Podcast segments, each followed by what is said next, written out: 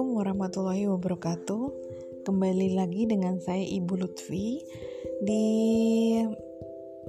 kita belajar bersama hari ini mengenai uh, generalis disease yang ketiga. Nah ini uh, pertemuan kita me, me, me, menuju ke penghujung pertemuan ya. iya terima kasih sayang. Oke, okay, uh, eh, oke. Okay. Yang pertama saya akan menjawab dari pertanyaan.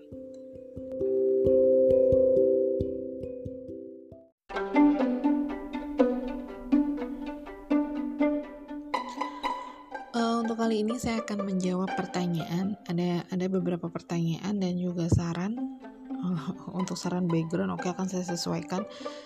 Um, karena uh, kemarin memang tidak begitu saya dengarkan ya untuk back sound. Oke, saya akan pertimbangkan lagi. Dan untuk pertanyaan, hmm, pertanyaannya ada dua dari Tiffany dan dari Nadifah. Namun pertanyaan cuma dua tapi berentetan ya. Oke, saya akan coba menjawab. Yang pertama dulu, pertanyaan dari Tiffany untuk dumping off, apakah patogen tersebut bisa datang melalui serangga?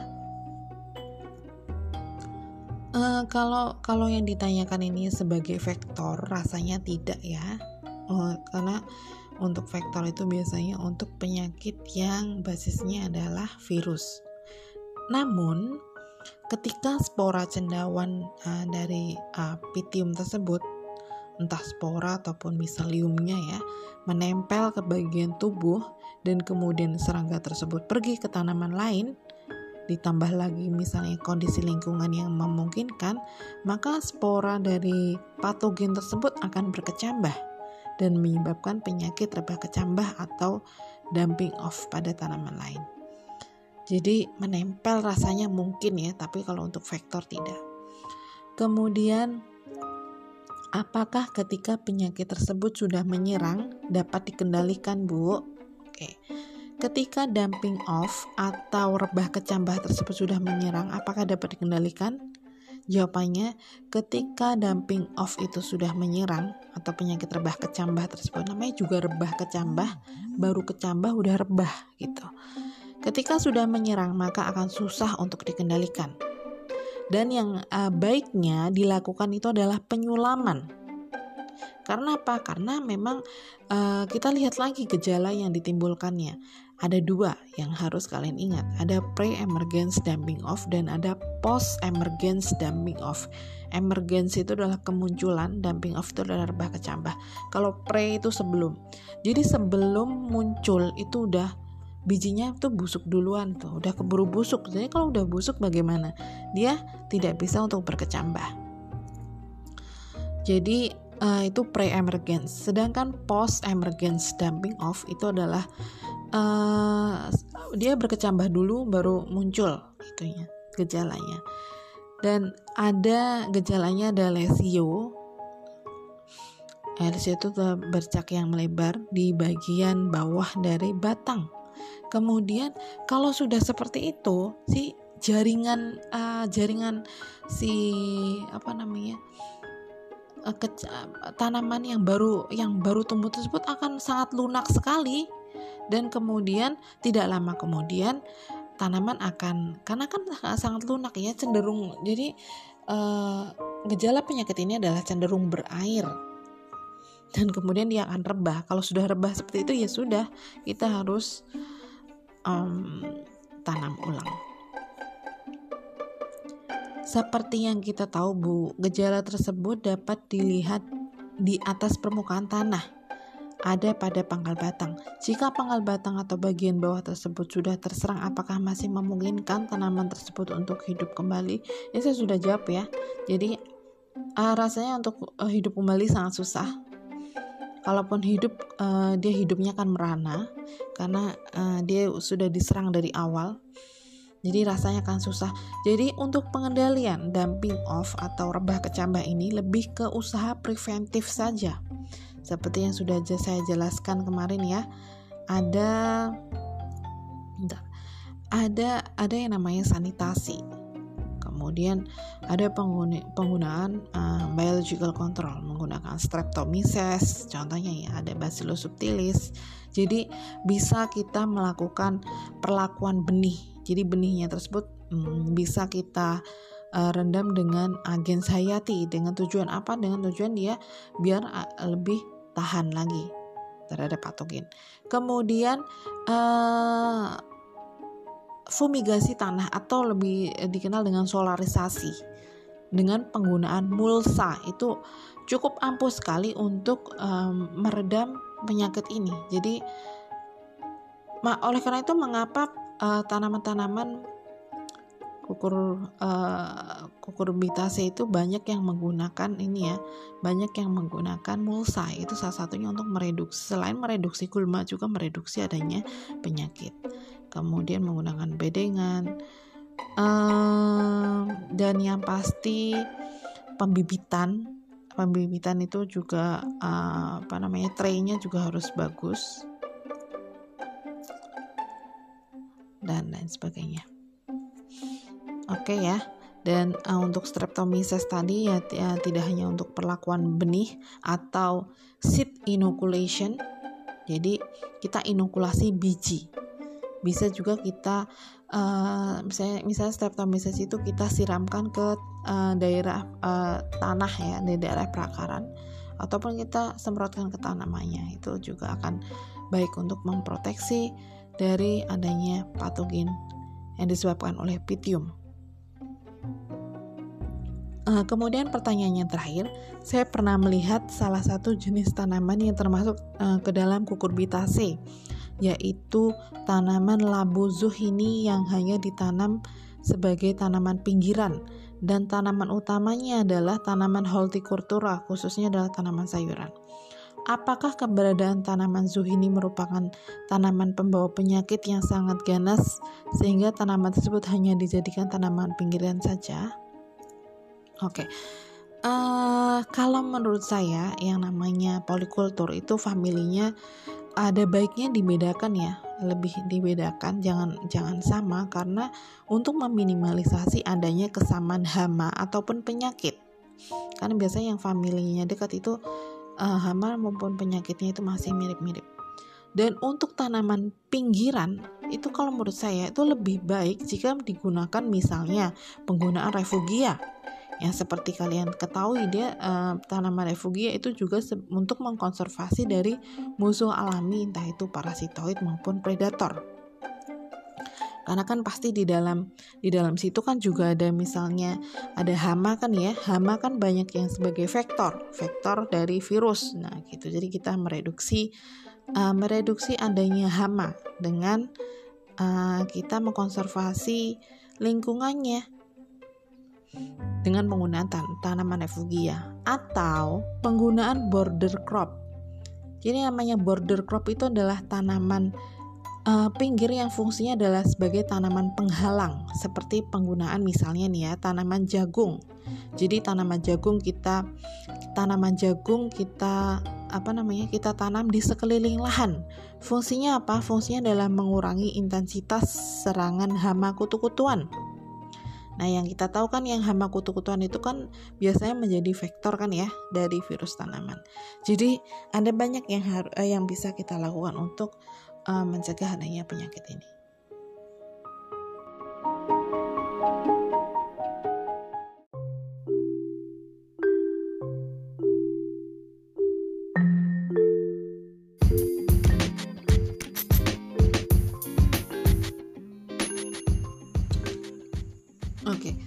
Sini akan menjelaskan mengenai penyakit uh, puru mahkota atau crown gall yang disebabkan oleh Agrobacterium tumefaciens.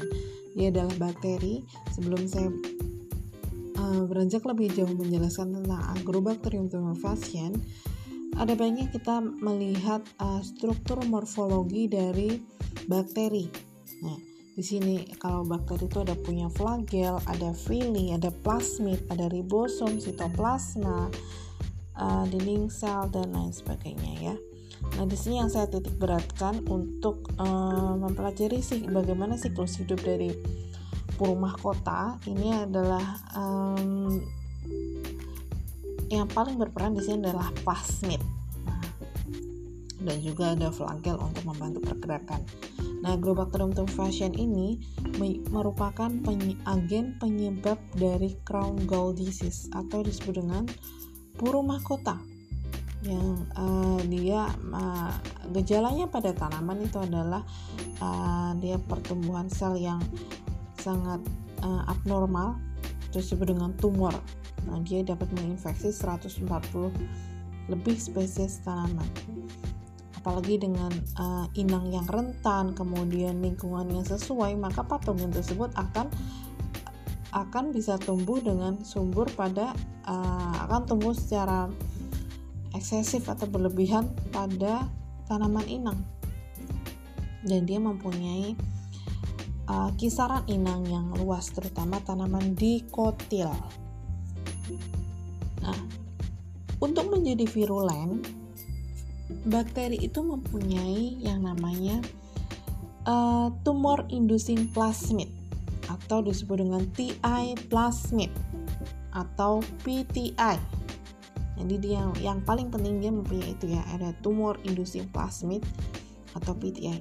Nah, sebelum kita beranjak lebih jauh, kita harus tahu dulu bagaimana uh, bagaimana sih caranya TA plasmid tersebut TA plasmid dari bakteri itu masuk ke dalam sel tanaman oke kita lihat gambar yang sebelah kanan itu yang A itu adalah Agrobacterium tumefaciens di mana adalah bak patogen bakterinya.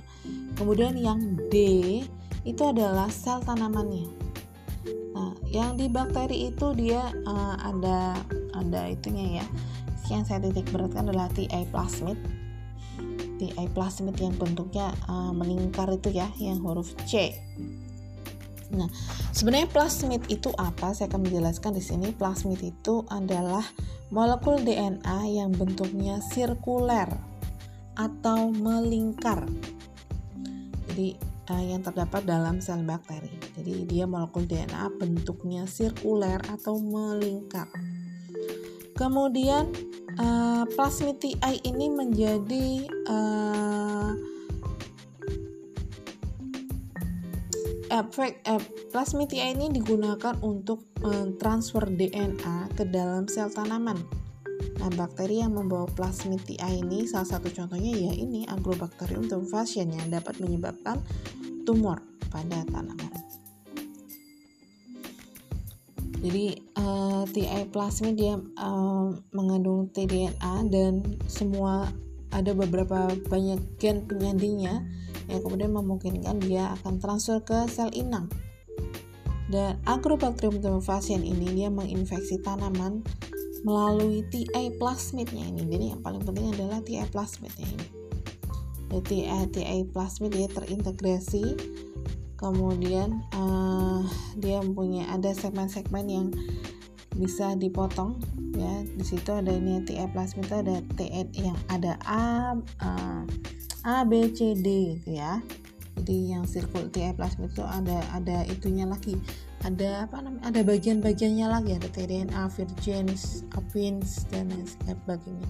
Nah sebenarnya Agrobacterium tumefaciens ini uh, banyak digunakan dalam rekayasa genetika. Jadi uh, dia setahu saya dia itu mudah oh, pelatih plasmidnya itu mudah dipotong-potong sesuai dengan kebutuhan uh, dia pengen apa gitu suatu peneliti itu. Apakah dia ingin uh, apa namanya dia ingin uh, me, apa namanya menyandi uh, gen ketahanan? Oke okay, kita potong saja yang penyebab uh, tumor tadi kemudian kita sisipkan dengan yang lain dan dan sebagainya itu. Tapi saya tidak akan membahas itu saya akan fokus ke bagaimana uh, puru mahkota atau crown gall ini me menginfeksi tanaman. Nah, Agrobacterium, Agrobacterium tumefaciens ini juga mempunyai flagella yang dia akan sangat mudah untuk uh, berenang di dalam tanah. Dan uh, ada banyak virgens yang dia itu menyebabkan yang dapat menginduksi adanya tumor. 20 ya, 25 virus gen pada TI plasmid. Kemudian uh, bagaimana siklus hidupnya? Uh, bakteri itu di Agrobacterium tumefaciens dia masuk melalui masuk ke dalam tanaman itu melalui uh, luka atau melalui lubang-lubang alami pada batang ataupun akar dekat dengan tanah. Dan kenapa tanaman bisa luka? Ya bisa saja ya, mungkin luka karena uh, kita mencangkul atau kita grafting atau luka karena ada uh, serangan serangga dan lain sebagainya. Ada banyak luka ya. Jadi uh, ketika tanaman itu luka otomatis dia mengeluarkan senyawa-senyawa tertentu. Nah bakteri tersebut dia akan masuk secara kemotaksis jadi kemotaksis itu adalah gerakan dari sel tubuh bakteri atau organisme sebagai respon akibat terpapar zat kimia, kimiawi tertentu dalam lingkungannya. Jadi si bakteri tersebut bergerak secara kemotaksis menuju ke tanah eh, menuju bagian tanaman yang luka. Nah, ketika bakteri tersebut masuk ke dalam uh, tanaman secara interselular, kemudian dia akan menstimulasi jaringan untuk uh, dia ada uh, maltransformation atau uh, apa namanya selnya itu tidak uh, tumbuh tidak semestinya. Yang menyebabkan gol tadi ya. Jadi apakah dia, dia di situ uh, bakteri tersebut hanya masuk saja ke dalam tanaman tentu tidak dia harus uh, memasukkan plasmid TI plasmidnya tadi ke dalam uh, sel tanaman uh, ke dalam genom tanaman. Nah, kemudian dia akan bereaksi di situ, kemudian lama-lama dia akan pertumbuhannya akan excess growth atau dia pertumbuhannya berlebihan di jaringan tanaman. Kemudian itu uh, menghasilkan formasi dari puru yang ada di daerah batang dan perakaran. Nah, bagaimana untuk pengendalian dari penyakit Agrobacterium tumefaciens ini? Yang paling baik untuk mengendalikan penyakit ini adalah mengambil langkah-langkah pencegahan. Seperti misalnya kita dapat uh, mensterilkan alat pemangkasan agar tidak uh, menginfeksi menginfeksi tanaman baru. Apalagi yang namanya tanaman tahunan ini uh, ini ya apa namanya uh, salah satu salah satu apa namanya salah satu untuk teknik budidayanya adalah uh, ini ya pruning ya. Jadi uh, mungkin pemangkasannya juga alatnya harus steril. Atau setidaknya harus bersih ya jadi ada treatment tertentu. Kemudian yang pasti juga melakukan inspeksi terhadap uh, pembibitan. Dan uh, kita bisa menolak tanaman-tanaman uh, yang terindikasi atau tanaman yang terinfeksi ya. Jadi harus menggunakan bibit yang sehat. Yang pasti juga jangan menanam tanaman yang rentan uh, atau uh, silakan menanam tanaman uh, varietas tahan. Karena yang namanya tanaman tahunan ini biasanya ada juga yang dia itu di ada ya ada yang mana ya bukan bukan uh, tumbuh secara ini ya secara tidak sengaja ya tanaman tapi ada banyak perusahaan-perusahaan atau ada banyak uh, pembibitan untuk tanaman tahunan jadi ada banyak yang bergerak di bidang tanaman tahunan yang salah satunya adalah purumah kota ini kemudian menghindari luka pada daerah perakaran. Nah itu sangat penting untuk mencegah adanya penyakit dari uh, agropuru akar uh, sorry puru akar beda ya. Kalau puru akar itu adalah root knot nematode. Jadi tolong diperhatikan ya jangan sampai kalian ketukar-tukar kalau puru mahkota atau crown gall itu pasti di uh, pasti di oleh agrobacterium. Nah sebelah kanan itu adalah ada, ada tanaman juga dia terserang di bong ada di batangnya itu ada bonggolnya agrobacterium tumefaciens. Hmm, ini ada contoh-contohnya tanamannya terserang jadi pertumbuhannya seperti itu. Ada tanaman krisan, pada fikus, pada tanaman keras lainnya.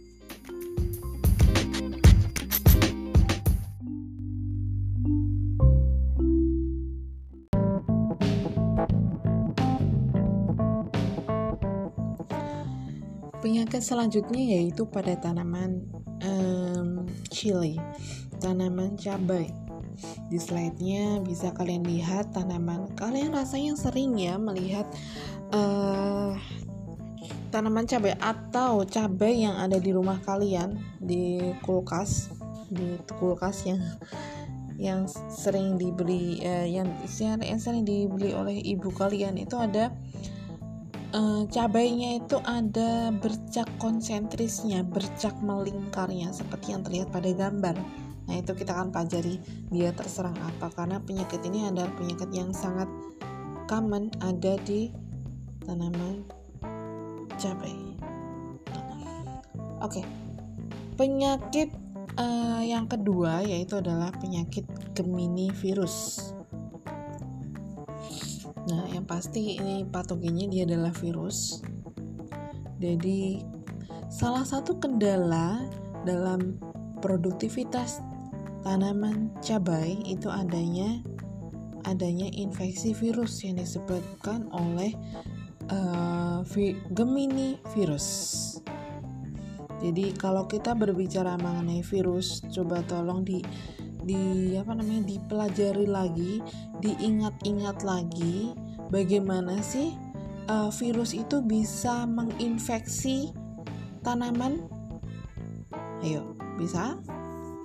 Dilihat lagi ya uh, slide-nya sebelum UTS bagaimana virus itu bisa menginvasi tanaman yang itu yang ada gambar spike-nya.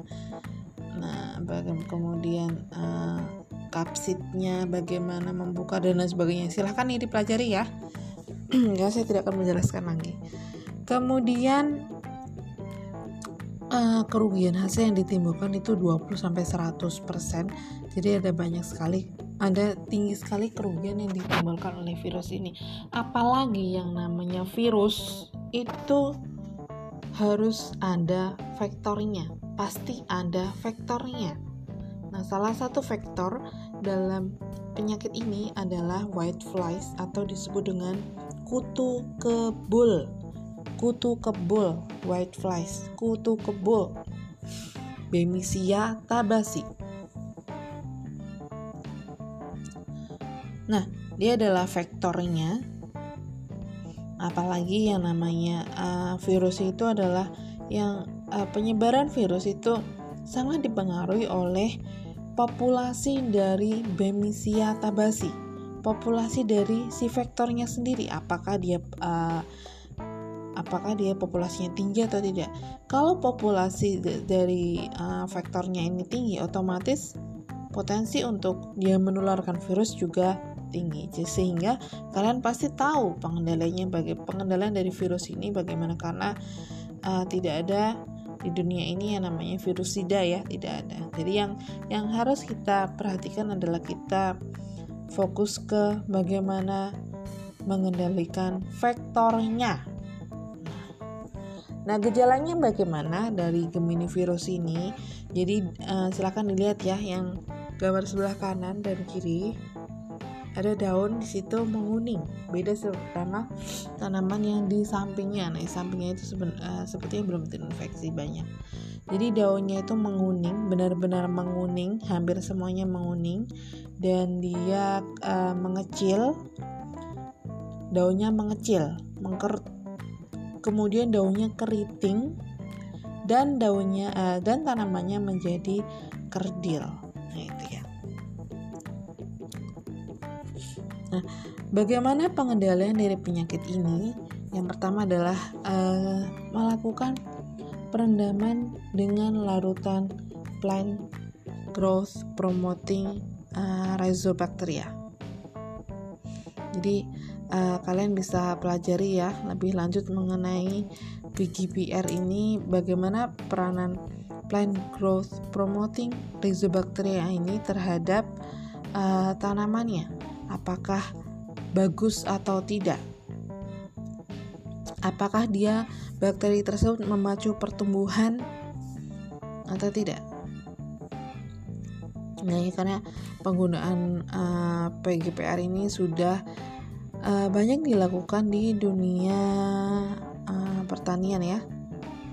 Karena dia ada di dalam plant growth promoting rhizobacteria itu dia ada ada rhizobacterianya. Dan dia uh, lebih alternatif yang menjanjikan untuk pengembangan pertanian yang ramah lingkungan.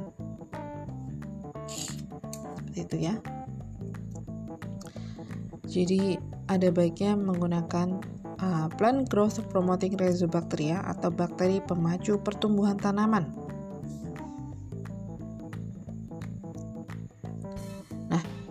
Dan uh, biasanya dia okay. dan ini uh, plant growth promoting rhizobacteria itu adalah bakteri tanah yang kemudian dia akan mengkolonisasi bagian perakaran dan akan meningkatkan pertumbuhan tanaman. Jadi itu pentingnya uh, plant growth hormone. Sebenarnya tidak hanya PGPR ada yang namanya uh, Pseudomonas fluorescens. Kemudian yang bisa dilakukan adalah kita menggunakan sanitasi lingkungan. Sanitasi sanitasi itu adalah pembersihan kita mengendalikan gulmanya karena ada banyak gulma yang menjadi uh, inang alternatif dari si penyakit Gemini virus ini. Sebagai contoh inang alternatifnya ada yang namanya Ageratum conizoides. Dia adalah babadotan nama umumnya ya. Kemudian alternatif host yang lain adalah Pisalis angulata atau ciplukan. Jadi ini uh, tidak boleh ada. Kenapa? Yaitu karena dia menjadi vektor alternatif uh, alternatif host atau inang alternatif dari Gemini virus. Jadi lebih baik kita melakukan sanitasi. Kemudian kita juga bisa mengendalikan dengan menggunakan mulsa. Uh, mulsa biasanya ada yang uh, warna perak atau warna hitam dan ataupun mulsa jerami, yaitu cukup membantu untuk mengurangi intensitas dari penyakit Gemini virus. Kemudian yang bisa kita lakukan juga menanam uh, eh, 4 sampai 5 baris corn barrier itu adalah tanaman pembatas. Ini tanaman pembatas ini adalah uh, tanaman jagung. Dan uh, selain itu juga menanam uh, tagetes. Kalian sudah tahu ya tagetes yang sudah uh, pernah ada itunya fotonya di pertemuan lalu rasanya atau disering disebut dengan bunga tai ayam. Jadi ada banyak yang manfaat untuk menanam apa namanya uh, tanaman uh, yang berbunga yaitu juga sebagai konservasi untuk musuh alami. Jadi mengapa kita harus menanam hmm, sekitar 4 sampai 5 baris corn barrier atau tanaman penghalang ini? Fungsinya adalah untuk mencegah penyebaran dari si vektornya. Si vektornya itu kan terbang kan? Imagonya dia terbang si si siapa namanya? Bemisia tabasi tadi. Jadi biar dia tidak masuk ke dalam lahan kita, salah satunya adalah kita beri tanaman penghalang yang cukup rapat sehingga dia si vektornya akan kesusahan untuk menuju tanaman inang. Nah, e, contoh tanaman penghalangnya atau barrier crop, barrier crop ya. Jadi e, tolong istilah-istilah penting ini juga dipahami karena uh, akan menjadi penting untuk ujian kalian ya. Jadi harus familiar dengan istilah-istilah tertentu. Nah saya juga di situ men, uh, mencantumkan ada barrier crop jadi ada gambar di situ jagung sebagai tanaman atau border crop ya atau border crop. Nah itu di tanaman penghalang untuk mereduksi dari vektornya Kemudian hal yang bisa kita lakukan yang lainnya adalah kita melepaskan dari Menochilus segmaculatus. Menochilus segmaculatus ini adalah predator. Dia baik uh, pradewasa dan dewasanya dia hidup sebagai uh, predator. Dia memangsa uh, kutu-kutuan misalnya ya. Dia um, dia mampu untuk memangsa 200 sampai 400 Bemisia tabasi kemudian 12 strips per hari dan 200 apit per hari. Jadi yang namanya uh, Bemisia tabasi ini tidak semuanya itu dia mempunyai alat ya atau bersayap. Dia ada yang apa namanya uh, dia ada yang tidak bersayap ya. Jadi uh, relatif lebih mudah untuk dimangsa oleh si Menachilus maculatus. Kemudian kita bisa, juga bisa mengendalikan secara kimiawi dengan uh, secara terut, uh, yang penting adalah dengan bijak dengan bahan aktif imidacloprid. Kalian juga sudah pernah belajar bagaimana sih pestisida itu? Apakah uh, bahan aktifnya beda-beda? Kalian sudah tahu.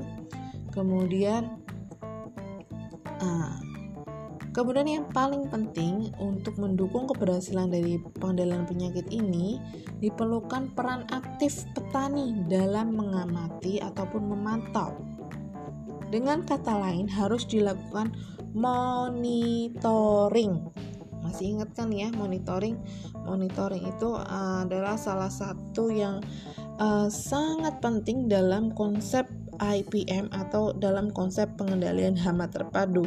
Rasanya monitoring itu harus dilakukan secara berkala. Karena apa? Karena kalau tidak dilakukan secara berkala, tahu-tahu nanti suatu populasi hama itu akan uh, suatu hama ataupun penyakit itu akan tinggi dan mungkin bahkan akan outbreak atau akan meledak Jadi untuk mencegah itu kita harus lakukan monitoring sehingga kita tahu bagaimana keadaan yang ada di lapangan. jadi penting ya untuk uh, monitoring dari penyakit ini.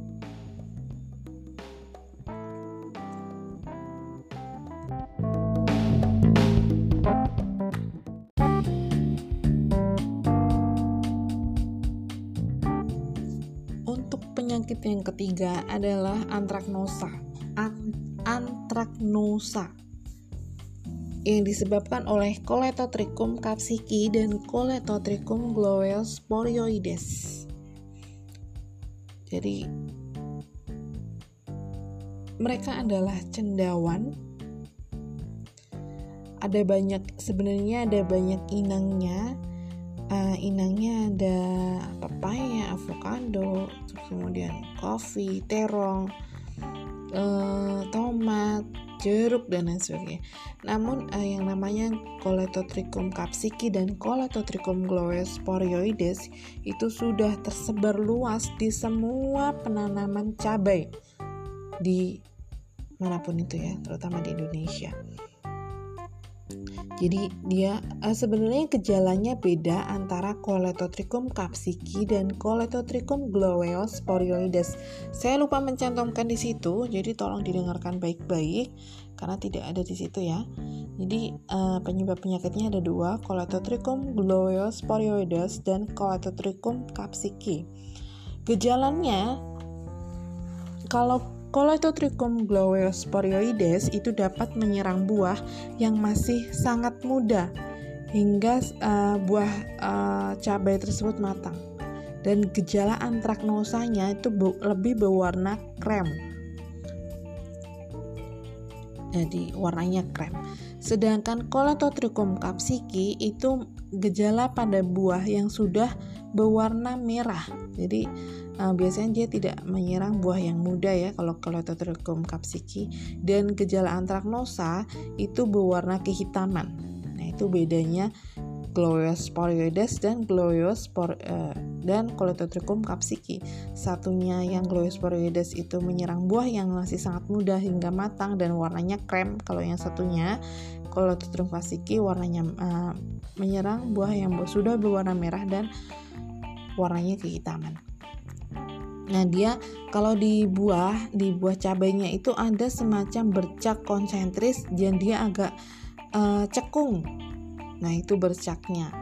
Silakan dilihat di gambar, kalian sudah pasti sudah tidak asing untuk um, apalagi kalau yang sering ke lapangan ya. Tapi rasanya susah kalau kalau di Karawang menemukan tanaman cabai. Jadi mungkin di daerah-daerah uh, lain ya dan uh, penyebaran dari Colatotrichum capsiki ini sangat bergantung pada percikan air ataupun hujan. Sehingga kerusakan yang sangat parah serta gagal panen itu banyak terjadi pada musim penghujan. Nah, ini biasanya uh, tanaman cabai ini di dataran yang relatif lebih tinggi ya. Jadi adanya percikan air ataupun air dari air hujan itu penting untuk perkecamban spora dan penetrasi ke dalam inangnya. Jadi itu ya yang bisa saya sampaikan saya sampaikan dari penyakit antranosa. Jadi uh, kalian lebih fokus ke bagaimana gejalanya.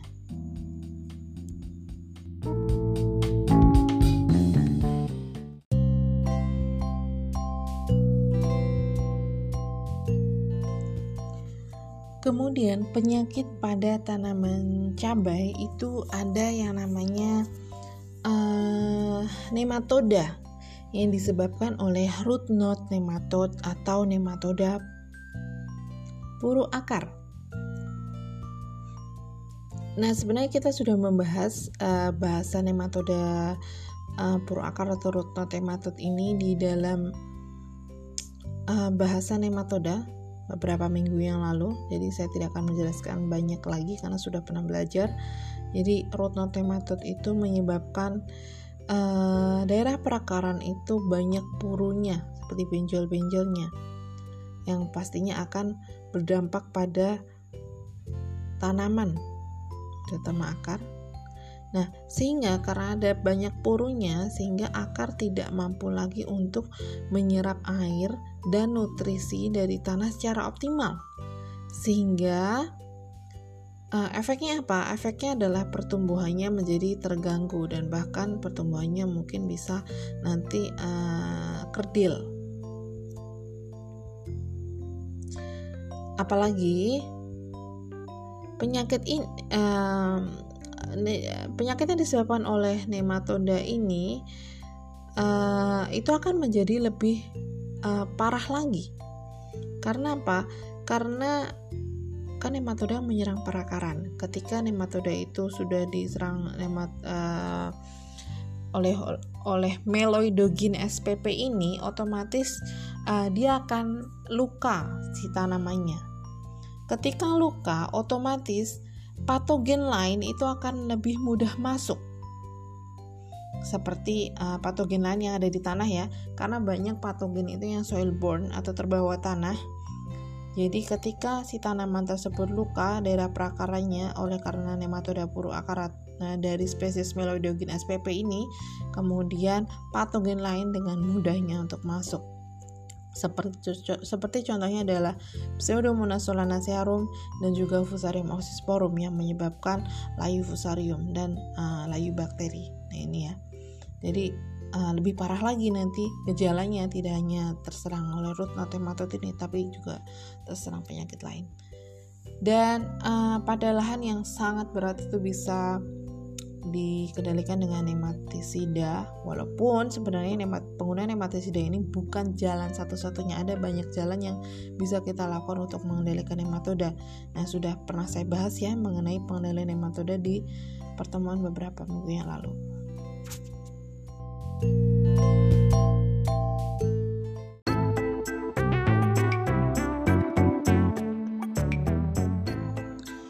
Penyakit selanjutnya adalah penyakit pada tanaman kentang. Hmm, tanaman kentang bisa terserang oleh penyakit. Pasti kalian masih ingat ya mengenai uh, kelaparan kentang di Irlandia. Banyak orang menderita kelaparan. Kalian juga pernah melihat videonya bagaimana potato blight itu menyerang dan uh, dia meng, meng, meng, menghabiskan dan dia menginfeksi uh, semua tanaman kentang di Irlandia. Kemudian banyak orang. Nah, dari ini ya, uh, potato blight itu disebabkan oleh Phytophthora infestans, Phytophthora infestans, dan itu menyebabkan banyak uh, orang sekitar 2 juta orang kemudian bermigrasi melakukan dia emigrasi dari Irlandia dan mereka hidup di negara lain misalnya di Amerika dan juga Kanada. Nah, karena penyakit ini uh, tidak hanya menyerang dari umbinya, juga menyerang daun, batang, dan juga umbi, sehingga semua gagal panen di Irlandia pada tahun 1845. Nah, kemudian kita akan berbicara mengenai penyakit Phytophthora infestan itu sendiri. Dia adalah cendawan yang menyebabkan penyakit pada tanaman kentang atau disebut, disebut dengan light blight atau potato blight disebabkan oleh Phytophthora infestans Nah, nah Phytophthora infestans ini merupakan penyakit yang sangat uh, umum sekali. Semua uh, di secara worldwide semua sudah tahu mengenai penyakit ini. Dan gejalanya adalah biasanya dia mulai bercak dan umumnya dimulai pada ba da daun bagian tepi. Pasti uh, dari bagian tepi seperti itu ya.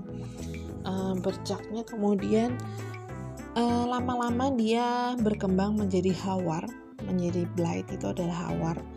Apalagi di, misalnya didukung dengan lingkungan yang uh, memadai misalnya kelembapan tinggi kemudian ada hujan. Dan kemudian lama kelama itu semua menjadi hawar semua ya, menjadi kecoklatan semua. Kemudian tanaman mati kemudian lama-lama dia juga akan mengering dan dia juga menyerang pada umbi Nah, pengendalian apa yang bisa kita uh, dilakukan? Nah, ini sebelah kanan itu uh, gejala yang menyerang daun, kemudian yang tengah itu adalah uh, mikroskopisnya, sedangkan yang bawah itu adalah penyakit yang menyerang umbi. pengendalian penyakitnya adalah uh, salah satunya yang bisa kita lakukan kita uh, dia mengurangi sumber inokulum. Bagaimana cara kita mengurangi sumber inokulum atau sumber penyakitnya? Ya, salah satunya ya eh, kita memilih kentang benih yang se yang berkualitas baik. Entah itu benih kentang ataupun tomat ya. Jadi uh, kualitas benihnya itu harus baik. Dan uh, dari permasok yang bersertifikat tentunya ya. Jadi bukan dari tidak tidak uh, mengandalkan makanya dari um, bibit yang benih yang uh, dari musim tanam sebelumnya. Dan uh, juga bisa kita lakukan sanitasi uh, dari sisa tanaman kentang dari musim panen sebelumnya. Karena ada banyak kentang itu yang ber yang ber ya dia berperan sebagai sumber inokulumnya jadi kita sanitasi kemudian kita juga bisa melakukan rekayasa genetika untuk mendapatkan generasi uh, varietas yang tahan. Karena itu merupakan salah satu uh, pengendalian yang mungkin bisa dilakukan ya. Karena pengendalian penyakit dari Phytophthora infestans ini lumayan susah untuk mengendalikannya. Ada banyak opsinya sebenarnya. Kemudian opsi selanjutnya adalah menggunakan kimiawi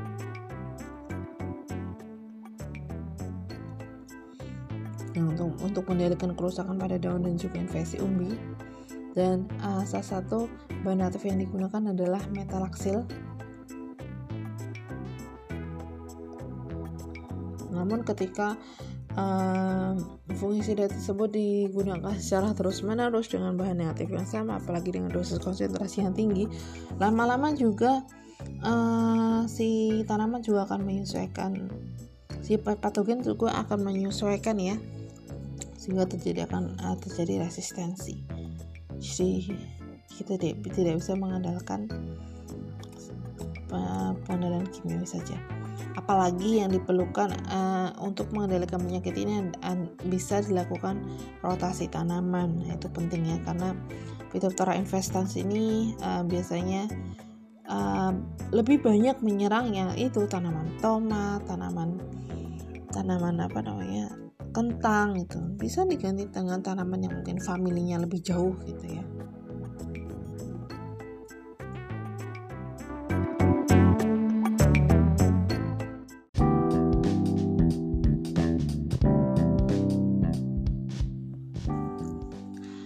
Penyakit selanjutnya adalah potato root knot nematode atau potato cyst nematode atau uh, PCN. Penyakit yang disebabkan oleh nematoda ini, penyakit yang disebabkan oleh nematoda pada tanaman kentang bisa disebabkan oleh dua jenis nematoda, potato root nematode atau nematoda puru akar, nematode root knot yaitu ya. Uh, spesiesnya adalah Meloidogin spp, sedangkan potato cis nematode itu adalah nematoda sista kuning. Uh, Spesiesnya adalah Globodera rostosiensis. Baik itu uh, knot nematode dan potatosis nematode itu mereka hidup di daerah prakaran di uh, tentunya di dalam tanah dan mereka banyak dijumpai pada um, uh, tanaman-tanaman solanacea seperti kentang dan juga tomat. Dengan adanya uh, nematoda sista ini yang pasti pertumbuhannya akan terhambat dan juga uh, akan terjadi kerusakan pada akar. Dan yang uh, harus kalian ketahui di sini bahwa nematoda uh, sista atau potatosis nematode yang spesiesnya adalah Glombodera rostosiensis itu asalnya dari uh, pegunungan Andes. Ingat ya, pegunungan Andes, bukan pegunungan Bromo atau Semeru. Jadi uh, Globodea rostosiensis ini uh, asalnya originatnya dari Andes. Di mana per, uh, pegunungan Andes itu? Pegunungan Andes ada di South America jadi di Amerika Selatan. Dan kemudian uh, pertama kali ditemukan di Jerman tahun 1913 kemudian kemudian ke benua ke negara lainnya di benua Eropa. Kemudian di uh, menyebar ke Kanada tahun 1960-an, kemudian di India, di Meksiko dan sampai akhirnya tersebar ke daerah Asia ataupun Afrika. Jadi uh, intinya dia evolusi pertamanya ditemukan di pegunungan Andes untuk nematoda sista kuning ini. Untuk gambarnya bisa dilihat ya itu hanya uh, ada yang atas itu ilustrasi potato root knot nematod nematoda puru akar itu kurang root knot ya rasanya ya. Meloidogin spp dan Globodera rostosiensis nah untuk itu untuk betul-betul memahami bagaimana siklus hidup dari nematoda dan bagaimana cara dia menginfeksi suatu tanaman, silahkan dibuka lagi materi mengenai nematoda terutama uh, mengenai siklus hidup potato root nematode atau nematoda puru akar dan nematoda sista kentang. Nah, di sini saya akan mereview kembali. Nah, bisa dibuka catatannya ya, catatannya dulu ya. Jadi, untuk siklus hidup dari nematoda puru akar yang mana spesiesnya adalah Meloidogin. Jadi berawal dari Meloidogin yang dewasa dia melodogin dewasa betina kemudian dia uh, setelah kawin dia akan memproduksi banyak telur. Nah, telurnya itu ada banyak di dalam tubuhnya dan kemudian dia juga mengalami pergantian kulit. Pergantian kulit pada uh, pergantian fase pada nematoda disebut dengan juvenil ya betul ya jadi uh, juvenil dan dia di, uh, setiap perubahannya di, juga ditandai oleh pergantian kulit atau um, molting first jadi uh, di situ ada J1, J2, J3 dan J4 juvenil 1, juvenil 2, juvenil 3 dan juvenil 4 yang harus uh, kalian ketahui bahwa J1 jadi um, perubahan eh, bukan perubahan. Ganti kulit yang pertama atau J1 itu terjadi di dalam telur. Dan J1 first moldnya ganti kulit yang pertama itu terjadi di dalam telur. Dan kemudian dia keluar-keluar dia sudah menjadi J2 kemudian lambat laun dia akan semakin membesar dan juga uh, organ reproduktifnya makin berkembang kemudian berubah menjadi J3 kemudian ganti kulit lagi ke berubah menjadi J4 dan begitu seterusnya ya. Untuk di meloidogin SPP meloidogin yang jantan dia bentuknya akan tetap seperti cacing. Sedangkan meloidogin yang betina itu bentuknya uh, menyerupai buah itu ya menyerupai buah pir ya. Jadi dia akan menetap. Jadi yang di sini yang menetap adalah yang nematoda betina. Begitu juga dengan potatosis nematode ini siklus hidupnya relatif mirip. Jadi kita mulai dari yang huruf A silahkan dilihat ya. Diperhatikan dengan seksama di situ disebutkan second stage juvenile hatch from eggs. Jadi uh, jadi juvenile yang kedua, di, ini dimulai dari juvenile yang kedua, di mana uh, dia sudah mengalami pergantian kulit yang kedua karena pergantian kulit yang pertama ada di dalam telur. Jadi dia sudah muncul C2, kemudian yang dia lakukan dia adalah mengpenetrasi eh, uh, ke dalam akar kemudian dia berganti kulit di situ kemudian sampai akhirnya dia dewasa. Setelah dewasa apa yang terjadi? Terjadi perkawinan antara jantan dan betina. Setelah kawin tentunya betina juga akan menghasilkan banyak telur. Dan uh, betina juga akan uh, akan menjadi sista. Nah, sista ini akan tetap uh, di dalam tanah dan dia menjadi struktur bertahan bisa sampai lebih dari 20 tahun nematorisista ini. Hmm, dan kemudian begitu seterusnya dia kawin kemudian dia menghasilkan telur kembali dan begitu seterusnya ya. Jadi uh, hampir mirip.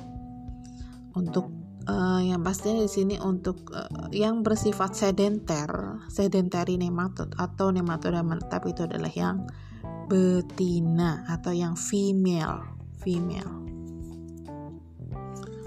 Kemudian, apakah kalian masih ingat mengenai giant cell? Apakah masih ingat dengan sisitium? Silakan uh, dipelajari lagi bab nematoda yang dulu kita sudah mempelajari bahwa misalnya kerusakan yang ditimbulkan oleh uh, nematoda yang menetap atau sedentary nematode itu adalah dia membentuk misalnya sel asuh kemudian membentuk sensitium, membentuk uh, sel Foster, giant cell dan lain sebagainya ya. Jadi kerusakan yang ditimbulkan itu, yang kerusakan yang ditimbulkan oleh sedentary nematode yang pasti kerusakan yang ditimbulkan oleh migratory nematode atau uh, nematoda berpindah itu berbeda. Kalau yang nematoda berpindah kan yang pasti kerusakannya bersifat destruktif. Oke, begitu uh, untuk materi kali ini.